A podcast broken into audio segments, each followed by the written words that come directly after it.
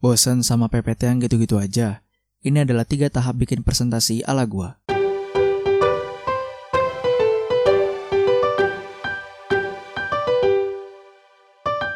Baik lagi sama gua Bintang Permata di Rajum Podcast Kali ini gue lagi good vibes karena gua anjay korigor abis Karena gua hari ini bakal ngebahas hal yang gua suka banget yaitu adalah PowerPoint gue bukan expert di bidang ini tapi setidaknya gue mau nge-share ilmu yang gue punya dari uh, ya dari website atau akun akun Instagram yang gue follow. Setidaknya bisa membantu kalian uh, untuk mencari tahu mengenai uh, dunia PowerPoint gitu ya. Oke tanpa basa-basi lagi ini adalah tiga tiga apa tuh? Oh iya tiga tahap bikin presentasi ala gue ribet banget yang pertama adalah pahamin dulu materinya. Oke, ini menjadi dasar kenapa? Karena kalau misalkan uh, kalian udah tahu materi yang akan kalian uh, bawain, maka ini akan ngaruh banget nih. Nah, misalkan gini, kalian harus tahu dulu tema, topik, atau bahasan apa yang kalian mau presentasiin. Karena uh, ini akan ngaruh ke desain lu, peletakan layout di slide lu, atau pemilihan font, warna, icon ini akan ngaruh kalau misalkan lu udah paham banget materinya. Kalau misalkan lu presentasinya sendiri, lu tuh menurut gua lebih gampang. Karena lu tahu nih alur presentasinya akan ke mana. Lu yang gather data lu yang cari resource-nya dan lu akan makin paham sama materinya. Tapi kalau misalkan lu kelompok ya tinggal dibagi-bagi aja. Jadi ada misalkan si A gather data si B cari resource yang terpercaya dan uh, mumpuni gitu. Maksudnya yang beneran gitu ya yang yang berilmu gitu. Jadi sumbernya tuh nggak cuman yang ece-ece gitu. Nah yang C tuh ngapain desain atau cari-cari referensi desain gitu. Nah di paham di tahap pertama ini gue juga ini gue ya gue pribadi nge-breakdownnya lagi jadi dua. Yaitu ada yang pertama adalah cari definisi umum dari suatu materi. Jadi misalkan ini untuk bukan cuma anak kuliah ya, misalkan kalau kalian anak SMA yang lagi dengerin podcast gue atau SMP dan pengen bikin PPT uh, eh, looks cooler than before, anjay. Ini yang pertama yang kalian harus tahu adalah cari definisi umum dari suatu materi. Misalkan kalau untuk anak SMA, anak sekolah gitu ya, lu dikasih sama guru geografi lu tuh uh, ngebahas soal gunung gitu ya gunung erupsi gitu nah lu harus tahu dulu nih gunung erupsi uh, eh, gue gue sorry banget nih kalau misalkan ada miss ya tapi ini cuman ya permisalan. Misalkan gunung erupsi itu apa sih? Adalah bla bla bla bla bla gitu maksud gue nah untuk kuliah misalkan jurusan gue kan markom. Misalkan kalian lagi ngebahas soal IMC Integrated Marketing Communication. Nah kalian cari tahu dulu nih. Ya gue juga gitu ya. Gue dan kalian juga cari tahu dulu pengertian dari IMC itu apa. Baru dari situ uh, kita ke tahap 2 bukan ke tahap 2 sih sebenarnya ke step 2 di uh, tahap 1 ngerti nggak maksudnya yang setelah kalian cari definisi umum tadi dari satu materi kalian nah yang kedua adalah cari resource-nya cari sumbernya nah karena ini sumbernya ini adalah bedanya. Kalau misalkan kalian tadi udah tahu definisi umum dari suatu materi kalian, misalkan yang tadi tuh IMC adalah bla bla bla bla. Nah, setelah kalian kenal kan ada kan istilah yang udah basi banget yang udah sering disebut sama orang-orang tak kenal sama kata sayang. Ya ini sama gitu kalau menurut gue ya. Jadi kalian kenal dulu nih sama materinya, nanti kalian bisa tahu nih anak-anaknya dan breakdownnya tuh ke mana aja. Misalkan gunung erupsi, oh ternyata bisa menghasilkan batu ya, ada positifnya, terus tanahnya tanah gambut kalau nggak salah apa sih namanya, ya pokoknya gitu gitu lah ya. Terus bisa ada tanduk stalaktit, stalagmit gitu-gitu. Nah itu kan itu kan setelah dari ini bener nggak sih? Gue sorry banget nih kalau misalkan salah, gue minta maaf banget. Uh, kalian bisa koreksi gue di Instagram di @bintangprmta. Ya, masuk terus. Uh, jadi misalkan kayak gunung erupsi kan tahu nih nah di gunung erupsi itu nanti kan kalau misalkan kalian sudah tahu definisinya kalian bisa tahu tuh oh gunung erupsi itu menghasilkan ini ini nah IMC juga sama. Misalkan kalian udah tahu nih definisi dari IMC itu apaan. Nanti uh, lulu pada tuh bisa tahu kan oh IMC itu belajar advertising oh IMC itu belajar uh, apa personal selling oh direct marketing kayak gitu-gitu jadi harus tahu dulu definisi umum dari suatu materi yang akan kalian bawain, lalu baru ke step keduanya yaitu cari resource-nya. kita ke tahap 2 yaitu mulai mendesain. Oke, di tahap ini gue harap kalian semua tuh udah meringkas. Oke, gue lupa tadi ya di, di tahap satu ya. Gue mungkin kelas balik sedikit. Di tahap satu itu nggak cuma cari resource, gather data dan uh, cuman pahamin materi, tapi kalian juga harus ngeringkas. Lagi-lagi kalau misalkan lu sendiri, lu akan tahu alurnya dan lu akan lebih cepet dapetin poin yang punya power untuk lu tampilkan di slide lu. Nah kalau misalkan lo kelompok ya itu agak sulit sih untuk nyatuinnya dan segala macamnya. Jadi kalian harus tahu dulu nih kalian harus uh, apa ya ngerangkum atau ngeringkas data-data atau informasi-informasi yang udah kalian kumpulin itu jadi satu gitu. Biasain nulis materi ya, biasain nulis materi please. Jadi nggak cuma di otak tapi ditulis, bener-bener ditulis. Kalau misalkan oke okay, kalian anaknya 4.0 banget, Internet of Things, oke, okay, kalian bisa screenshot dan ya udah di dari HP. Tapi menurut gue nulis itu penting sih. Jadi kalau misalkan kalian uh, ada kalau anak sekolah misalkan buku ya sayang sayangilah pohon gitu ya. Kalau misalkan ada kertas kosong atau buku kosong dari pelajaran-pelajaran kalian boleh itu dipakai buat nulis materi gitu. Nulis biasanya nulis deh. Gue uh, bisa ngomong gini karena gue nontonin itu sih tutorial stand up komedi gitu ya. Jadi gue tuh suka nonton tutorial tutorial stand up yang apa Zawin atau Ridwan Remin atau idola gue Panji Pragiwaksono. Ya gue belajar dari mereka yang uh, rajin banget nulis materi stand up komedi untuk nampilin gitu.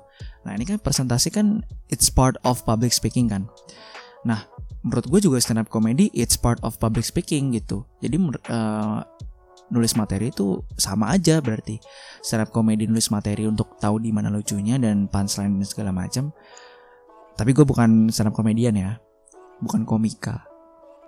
Nah tapi kalau misalkan kita presentasi ini kita bisa tahu uh, apa kalimat-kalimat atau kata-kata apa yang akan kita bawain nanti apa yang kita punch di kata-kata di slide mana yang kita punch, di gambar mana yang kita harus cerita dan uh, ngejelasin atau ngebahas yang lebih detail. Kayak gitu sih menurut gue jadi ngebantu banget dan gue harap kalian nulis dan jangan cuma di pikiran. Dan jangan kebanyakan diskusi juga. Misalkan kalian berkelompok, kalian ke diskusi-diskusi. Mendingan kalian langsung catat oh materinya gini gini gini catat catat catat ringkas ringkas ringkas baru deh kita ke desain. Nah, di desain ini uh, kalau gue sendiri gue biasanya langsung buka website-website uh, desain atau akun uh, akun Instagram uh, yang udah gue follow yang berhubungan sama desain atau biasanya sih UI UX ya UI UX untuk website untuk website sendiri gue mm, biasanya buka dribble.com dribble.com b-nya 3 dan behance.com nah di behance.com ini itu adalah gue kayaknya sih itu website desain juga. Tapi untuk kalian yang bingung kalian bisa cari ke apa logo search gitu. Nah, di behance.com kalian uh, klik tombol search. Nah, kalian cari tuh misalkan PowerPoint gitu ya. Kalau misalkan nggak ada, ya udah kalian cari UI. Jadi ini tuh nggak ber apa nggak selalu berhubungan dengan tulisan apa kata kunci PowerPoint gitu. Biasanya gue juga kalau bikin slide ya atau uh, peletakan layout biasanya tuh gue ngelihat dari UI dari desain desainer UI atau UX. UI itu sih setahu gue tuh singkat eh kepanjangan dari user interface. Kalau UX itu kepanjangan dari user experience. Nah biasanya itu kan ada UI atau UX uh, eh, komputer, eh website atau UI UX HP. Nah itu gue tuh kadang orang-orang yang desain UI UX kayak gitu tuh bagus-bagus dan itu gue jadi inspirasi buat slide di PPT gue dan it works gitu jadi nggak cuma lihat PPT inspiration yang slide bener-bener PowerPoint tapi kalian juga bisa ngelihat dari uh, eh, UI UX desain gitu. Jadi nanti kalian tinggal pakai uh, trik amati, tiru, modifikasi deh. Biasanya sih gue kayak gitu ya. Ini untuk Behance. Dan untuk Pinterest, uh, apa website semua orang ya. Pinterest kalian udah tau lah ya. Nah kalian juga bisa cari. Biasanya gue kalau cari di Pinterest tuh kata kuncinya adalah PowerPoint Inspiration atau PowerPoint Kreatif atau bisa juga PowerPoint template kreatif karena dari template itu bukan gue download templatenya ya tapi gue mau cari inspirasi oh biasanya template kayak gimana sih bentukannya. Oh satu tema oh satu warna oh gambarnya tuh tetap uh, tetap satu topik ya. Misalkan gedung gedung gedung gedung gitu tapi dengan dengan tapi dengan gedung yang berbeda. Ngapa gue ngomong gedung yang berbeda ya? Bodoh amat gitu. Oke. Okay. uh, eh, terus ada juga kreavi nah kreavi dot uh, sorry Kreafi.com ini website uh, lokal. Kalau nggak salah itu adalah bagian dari bisnisnya Putri Tanjung deh, yang kreatif planner. Ya kreafi.com itu adalah desainnya apa website desain anak Indonesia. Di situ lu bisa cari inspirasi banyak juga tuh. Misalkan lu butuh yang inspirasi 3D atau inspirasi ilustrat ilustrasi atau 2D, aduh digital imaging. Wah, banyak banget pokoknya di situ nanti ada ada genre atau alirannya. Di situ kalian bisa sortir dah di kreafi.com dan juga website template yang khusus PowerPoint yaitu adalah creativemarket.com. Nah, uh, kalau untuk akun IG sendiri, kalian uh, gua sih biasanya follow-nya itu luar sekolah sih. Kalian ini sebenarnya gue bukan uh, promosi juga sih, tapi luar sekolah itu adalah sebuah akun Instagram yang lu tuh bisa belajar belajar-belajar yang apa ya? Eh belajar-belajar belajar tentang hal-hal yang 4.0 banget sih menurut gue karena di situ oh, ini khususnya untuk markomers ya. Kalau misalkan kalian pengen belajar digital marketing lebih dulu kan kita kalau nggak salah dapat digital marketing itu di semester 4 dan kita bentar lagi mau ke semester 4 jadi menurut gue belajar digital marketing di luar sekolah ini adalah sebuah uh, ide yang bagus sih menurut gue walaupun kayaknya sih waktu itu berapa? 200 apa 400 ribu ya. Dan menurut gue nggak nyesel sih. Wala gue bisa bilang nggak nyesel karena dari konten dari konten Instagramnya dia itu tuh bagus-bagus. Jadi gue kayak percaya aja sama dia untuk kayaknya bagus nih uh, kalau misalkan gue les sama dia. Sebenarnya bukan les sih kayak ya udah pokoknya bayar kelas gitu kelas online gitu gak sih? Keren gak sih lu kayak udah 4.0 banget ya pas semester 4 gitu kan misalkan gue atau Diki tiba-tiba kayak pas dibahas pas eh, Diki itu teman gue Markomers kalau misalkan lagi mata kuliah digital marketing tiba-tiba Diki langsung nyaut oh iya pak saya tahu pak. Mohon maaf nih. Wah gila cuy. Keren banget tuh Diki tuh mantap. Oke next itu ya kalian bisa lihat di akun Instagramnya luar sekolah ya itu di sana bagus-bagus banget. Mungkin dari situ kalian juga bisa jadiin inspirasi untuk PPT mungkin gue akan bahas beberapa akun inspirasi gue tapi nanti next podcast aja kali ya karena di sini gue bahas tiga tahapan gue bikin presentasi. Nah baru deh kalian misalkan sudah menemukan ya kan? Lu udah nemuin referensi mana nih yang cocok buat gua gitu ya? Baru deh kalian screenshot tuh misalkan uh, lu nemunya di dribble. Eh gue di dribble nemu nih desain powerpoint atau desain UI bagus banget. Nah kalian bisa screenshot uh, mencet alt print screen di keyboard kalian alt terus ada tulisan PRTSC nah itu kalian klik alt PRTSC tek terus kalian ke powerpoint terus kalian control V. Nah itu nanti langsung muncul gambar yang kalian screenshot tadi. Nah, terus setelah itu kalian samain deh peletakan layoutnya, samain ke referensi kalian, warnanya. Nah, untuk warna kalian kalau misalkan gue nggak tahu sih di PowerPoint 2007 ada kali atau enggak. Gue juga nggak nggak tahu. Kayaknya sih nggak ada ya. Tapi kayaknya ini 2010 ke atas deh. Ada namanya fitur eyedropper. Nah eyedropper ini tuh bisa nyamain warna kalian eh warna slide PowerPoint kalian uh, sama kayak warna yang kalian inginkan gitu. Misalkan kalian mau warna yang di referensi kalian. Misalkan kalian terlalu malas gitu kayak gue juga hampir nggak pernah sih nyamain dengan manual gitu. Nah kalian juga bisa dengan otomatis pakai uh, fitur eyedropper. Jadi tinggal klik eyedropper di kalian ke solid fill dulu terus nanti kan di bawah ada ember tuh. Kalian klik ember itu nanti munculnya di paling bawah. Itu ada eyedropper nah kalian klik itu terus kalian pindahin ke warna yang kalian pengen uh, pakai. Nah, di situ nanti baru sama deh. Nah, ini biasanya gue pakai untuk nyamain background. Jadi gue nggak perlu hapus background. Kalau misalkan backgroundnya solid, itu bisa gue samain. Jadi kayak nyatu gitu loh sama gambar. Nah, ini yang biasa gue pakai dan ini kayaknya sih masih miss ya untuk teman-teman gue yang masih yang gue lihat ya. Dia masih berusaha untuk ngapus background padahal kalau misalkan warna belakangnya udah bagus dan satu tema, menurut gue kenapa harus dihapus background? Kenapa nggak so apa background powerpoint lu aja background slide lu samain sama background di fotonya aja? Kalau menurut gue sih kayak gitu ya.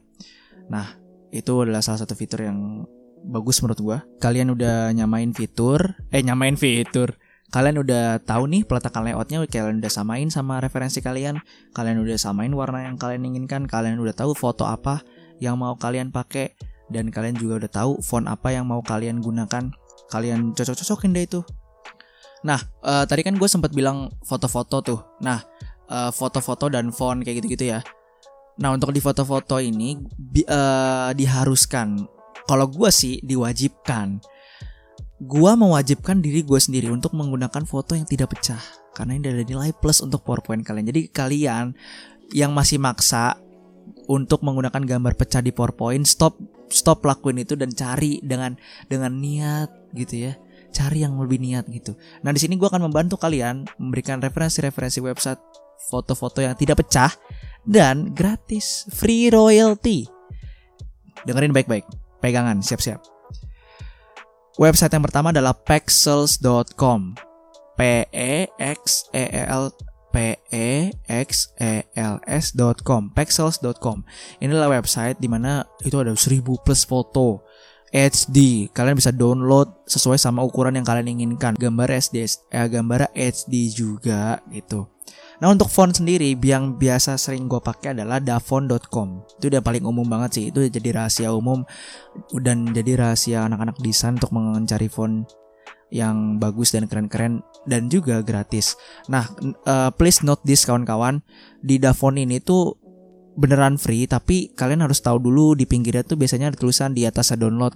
Bisa ini 100% free royalty atau free for personal use gitu. Nah, kalau misalkan free for personal use ya usahakan gitu ya. Jangan sampai fontnya itu buat komersial, misalkan buat uh, brand atau brand kalian yang bakal gede gitu, brand kalian yang serius atau uh, buat toko kalian pakai font-font font kecuali kalian uh, mengumumi atau eh, apa ngasih tahu ngabarin atau bayar si creator fontnya tersebut. Di kontaknya Davon kan di pas lo klik Davon kan ada orang pembuatnya tuh.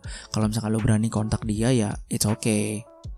Kayak gitu sih menurut gua. Dan uh, please note lagi uh, the design keep it simple as clean as possible use animation wisely and deliver in a great way. Okay? Note this Keep it simple, as clean as possible.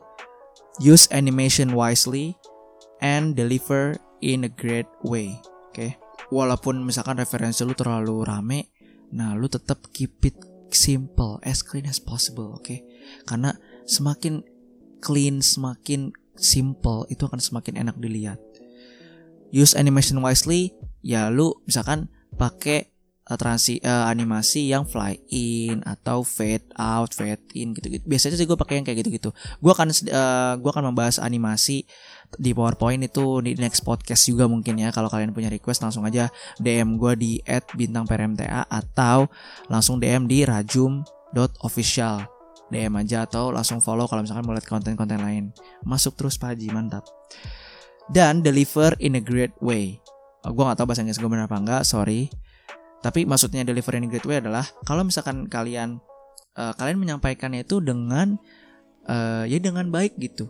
Uh, jangan langsung tiba-tiba ngomong kop intinya tapi kalian harus ada lehernya kalau kata guru sosiologi gue di SMA. Kalian ada kalian ada harus ada lehernya di dalam pembahasan kalian gitu. Jadi uh, ini juga ngaruh sama desain deliver in great way. Jadi setelah kalian udah tahu referensinya itu, kalian kalian juga udah ngeringkas kan, kalian udah ngerangkum di beberapa eh di materi itu kan. Kalian udah ngeringkas dan ngerangkum. Nah berarti naruh di di, di powerpointnya itu adalah poin-poinnya saja. Gitu. Biasanya gue tuh dapat insight dari TED Talks deh kalau nggak salah. Dapat wawasan dari TED Talks itu uh, harusnya itu jangan sampai satu paragraf gitu sih menurut apa kalau katanya dia ya uh, jangan sampai dua baris gitu loh. Misalkan lu kan kalau nulis nih terus uh, sampai dua baris. Ya maksimal dua atau tiga baris lah gitu. Jangan sampai lima atau sepuluh atau enam gitu. Karena nggak enak aja. Ini menurut dia dan menurut gue juga gue setuju sama, pendapat dia ya. Tapi kalau kalian meletakkan layoutnya dengan rapi dan mungkin itu eh dan mungkin. Mungkin itu bisa uh, ya udah gitu kelihatan tetap bagus tergantung kalian yang ngedesain kalian yang meletakkan layoutnya kayak apa. Tapi kalau gue sih gue saranin adalah ya poin yang punya power aja yang tadi gue sempet uh, bilang. Jadi kalian setelah ngeringkas dan ngerangkum kalian tuh kan tahu tuh poin-poin apa yang punya power. Nah poin yang punya power tersebut kalian taruh di slide ya kalian kalian desain sedemikian rupa supaya mengepunch gitu ya eh, kata-kata apa kata-kata yang udah kalian taruh di slide itu atau kalimat kayak gitu sih. Dan yang tahap terakhir adalah attention is on us. Yap, semua perhatian audiens semuanya ada pada kita. Sekali lagi gue ulang, semua perhatian audiens ada di gua, lu, dan kalian sebagai presenter. As a presenter, kalian yang nge-punch poin yang ada di PowerPoint kalian. Kalian yang ngejelasin, kalian yang ngebahas, kalian yang nyeritain materi atau bahasan yang kalian bawa atau yang kalian presentasiin di kelas, di seminar atau di workshop sekalipun. Nah, kalau gua biasanya tuh Uh, untuk latihan yang kayak gini biasanya gue latihan di kamar gitu ya kayak misalkan nulis skrip ala-ala itu tuh gue sering banget sih karena menurut gue nulis skrip ala-ala atau nulis materi untuk gue pribadi itu menurut gue ngebantu banget gitu tapi eh, nggak uh, apa-apa lu tulisnya gini aja nulis cara kalau gue sih biasanya nulisnya gini. Pakai bahasa gue juga jadi kayak gue mau ngomong apa gue tulis gitu. Jadi jangan lu nulis materinya formal juga gitu tapi kalau saran dari gue adalah lu nulis sesuai sama apa yang bakal lu omongin. Misalkan oke okay, di sini gue misalkan nih ini misalkan lu nulis ya. Oke okay, di sini gue pengen ngebahas soal AirPods Pro. Nah AirPods Pro ini tuh adalah gini gini gini gini. Nah jadi pakai bahasa lu juga nulisnya karena kenapa? Karena ini membantu kalau misalkan lu nanti latihan ya lu udah paham oh ini mah pakai bahasa gue jadi lu nggak bener-bener ngafalin banget. Tapi lu kayak ngeliat big picture-nya secara langsung dari kan nulis itu kan sama aja kayak baca dua kali. Jadi kalau misalkan kalian udah nulis terus kalian latihan lagi wah itu bakal bikin uh, perfect dong. Nah setelah itu gue uh, pahamin deh belajar. Pahamin belajar. Belajar cara mendelivernya yaitu dengan apa? Dengan melihat YouTube, TED Talks atau stand up comedy. Biasanya yang gue lihat cara dia mendeliver materi kayak gimana. Tuh gue belajar dari situ. Terus gue pahamin materi yang udah gue tulis kayak gitu-gitu. Terus juga gue selalu baca-baca di jalan gitu. Maksudnya kalau misalkan di kuliah gitu, gue tuh uh, selalu latihan. Misalkan kayak di lagi nongkrong nih misalkan lagi nongkrong. Terus misalkan emang oh, topik di tongkrongan itu tuh lagi nggak ada apa-apa. Atau di circle kalian atau di apa perkumpulan kalian tuh lagi emang nggak ada apa-apa. Gue manfaatin itu untuk buka notes gue dan gue latihan.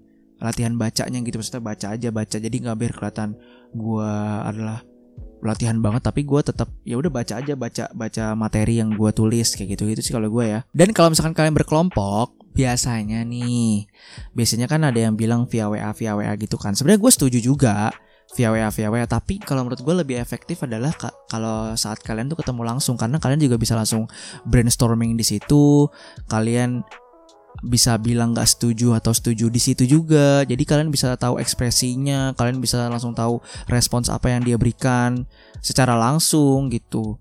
Kalau via WA kan bisa mikir-mikir dulu dan oh ya udah bisa deh gue gini. Ternyata ada miskom. Karena untuk markom nih gue cuman pengen ngasih tau ya gue dapat wawasannya dari Panji. Lagi-lagi Panji. Uh, ilmu komunikasi itu adalah ilmu goib.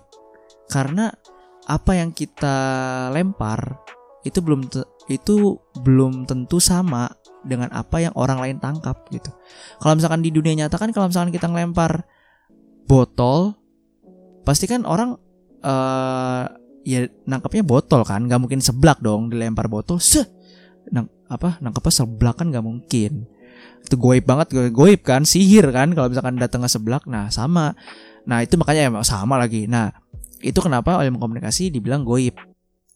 Nah uh, jadi kalau misalkan di via, via WA tuh banyak miskomnya sih menurut gua. Tapi tergantung orangnya juga. Kalau misalkan orang nggak cepat paham dan ngerti dan satu satu pikiran sama orang yang lagi si komunikator gitu ya. Komunikan dan komunikator itu sama sepemikiran ya mungkin uh, menghindari miskomunikasi itu bisa terja bisa dihindari nah kalau misalkan gue ada saran nih kalau misalkan kalian uh, berkelompok gue punya saran. Nah ini misalkan kelompok kalian berempat ya. Gue gak, ya kalau misalnya berlima kalian tinggal pikir-pikir aja gitu ya. Ini misalkan satu kelompok tuh ada empat orang. Nah saran dari gue saran dari gue adalah oke okay, si A ngejelasin slide 1 dan 3 yaitu ngebahas opening materi. Bukan ngebahas sih maksudnya ngejelasin gitu opening materi dari uh, bahasan yang kalian pengen bawain nah si B itu adalah ngebawain slide 4 yaitu isinya mungkin definisi atau leher dari suatu materi. Jadi mungkin si A ini ngebuka materinya terus sedikit uh, menyinggung-nyinggung, misalkan mulai dari problem dari materi dia. Nah baru udah si B itu ngejelasin definisi dari materi yang mereka bawain dan juga uh, membuat lehernya untuk ke konten atau ke isi dari materi tersebut. Nah si C adalah yang nyeritain slide 5 dan 6 yaitu konten itunya konten materi itunya konten materi itu sendiri. Jadi si C ini adalah yang ngejelasin lebih detail dan lebih apa ya, lebih jelas mengenai materi yang kelompok mereka bawain. Dan yang terakhir adalah si D slide 7 dan 8 yang membahas kesimpulan dan juga sekaligus closing. Itu yang saran dari gua kalau misalkan uh, kalian berkelompok. Oke, kayaknya itu aja. Jadi itu tiga tahapan gue kalau bikin presentasi. Semoga membantu kalian saat ingin membuat PowerPoint ya. Kalau misalkan suka sama podcast ini, boleh langsung klik tombol follow di Spotify dan bagiin ke teman-teman kalian. Oh iya, kalau kalian suka sama Rajo Podcast ini, kalian juga bisa follow Instagramnya di rajum.official ya di Instagram karena kita nggak cuma punya konten podcast tapi kita juga punya konten-konten video seperti short sketch video atau short film atau eh, video-video edukatif lainnya atau video-video entertaining lainnya tapi ditunggu ya untuk saat ini masih podcast tapi soon bakal ada video-video yang tadi gue sebutin jadi stay tune terus dan jangan lupa follow rajum.official di Instagram Oke, terima kasih sekali lagi buat yang udah dengerin Rajum Podcast di episode kali ini. Makasih banyak, gue respect, gue menghargai kalian juga sebagai pendengar. Semoga gue semakin improve. Semoga juga gue bisa memberikan kualitas yang terbaik untuk kalian dan gue juga bisa makin nge-share. Gue juga bisa makin nge-share. Gue juga bisa nge-share yang lebih bermanfaat untuk kalian juga dan kalau kalian punya masukan, kritikan atau topik apa yang kayak seru bakal gue bahas, boleh DM ke rajum.official atau ke DM ke akun pribadi gue yaitu @bintangprmta. Karena di situ gue juga bagiin di Instagram gue juga gue bagiin konten mengenai video, mengenai video-video editing has apa video-video hasil editing gue dan juga gue suka ngupload uh, desain PowerPoint gue di Instagram gue. Jadi kalau kalian penasaran sama PowerPoint gue, kalian bisa langsung uh, kepoin Instagram gue di @bintangprmta, bintang permata @bintangprmta. Oke. Okay? Terima kasih sekali lagi yang udah mendengarkan. Gue Bintang. Bye.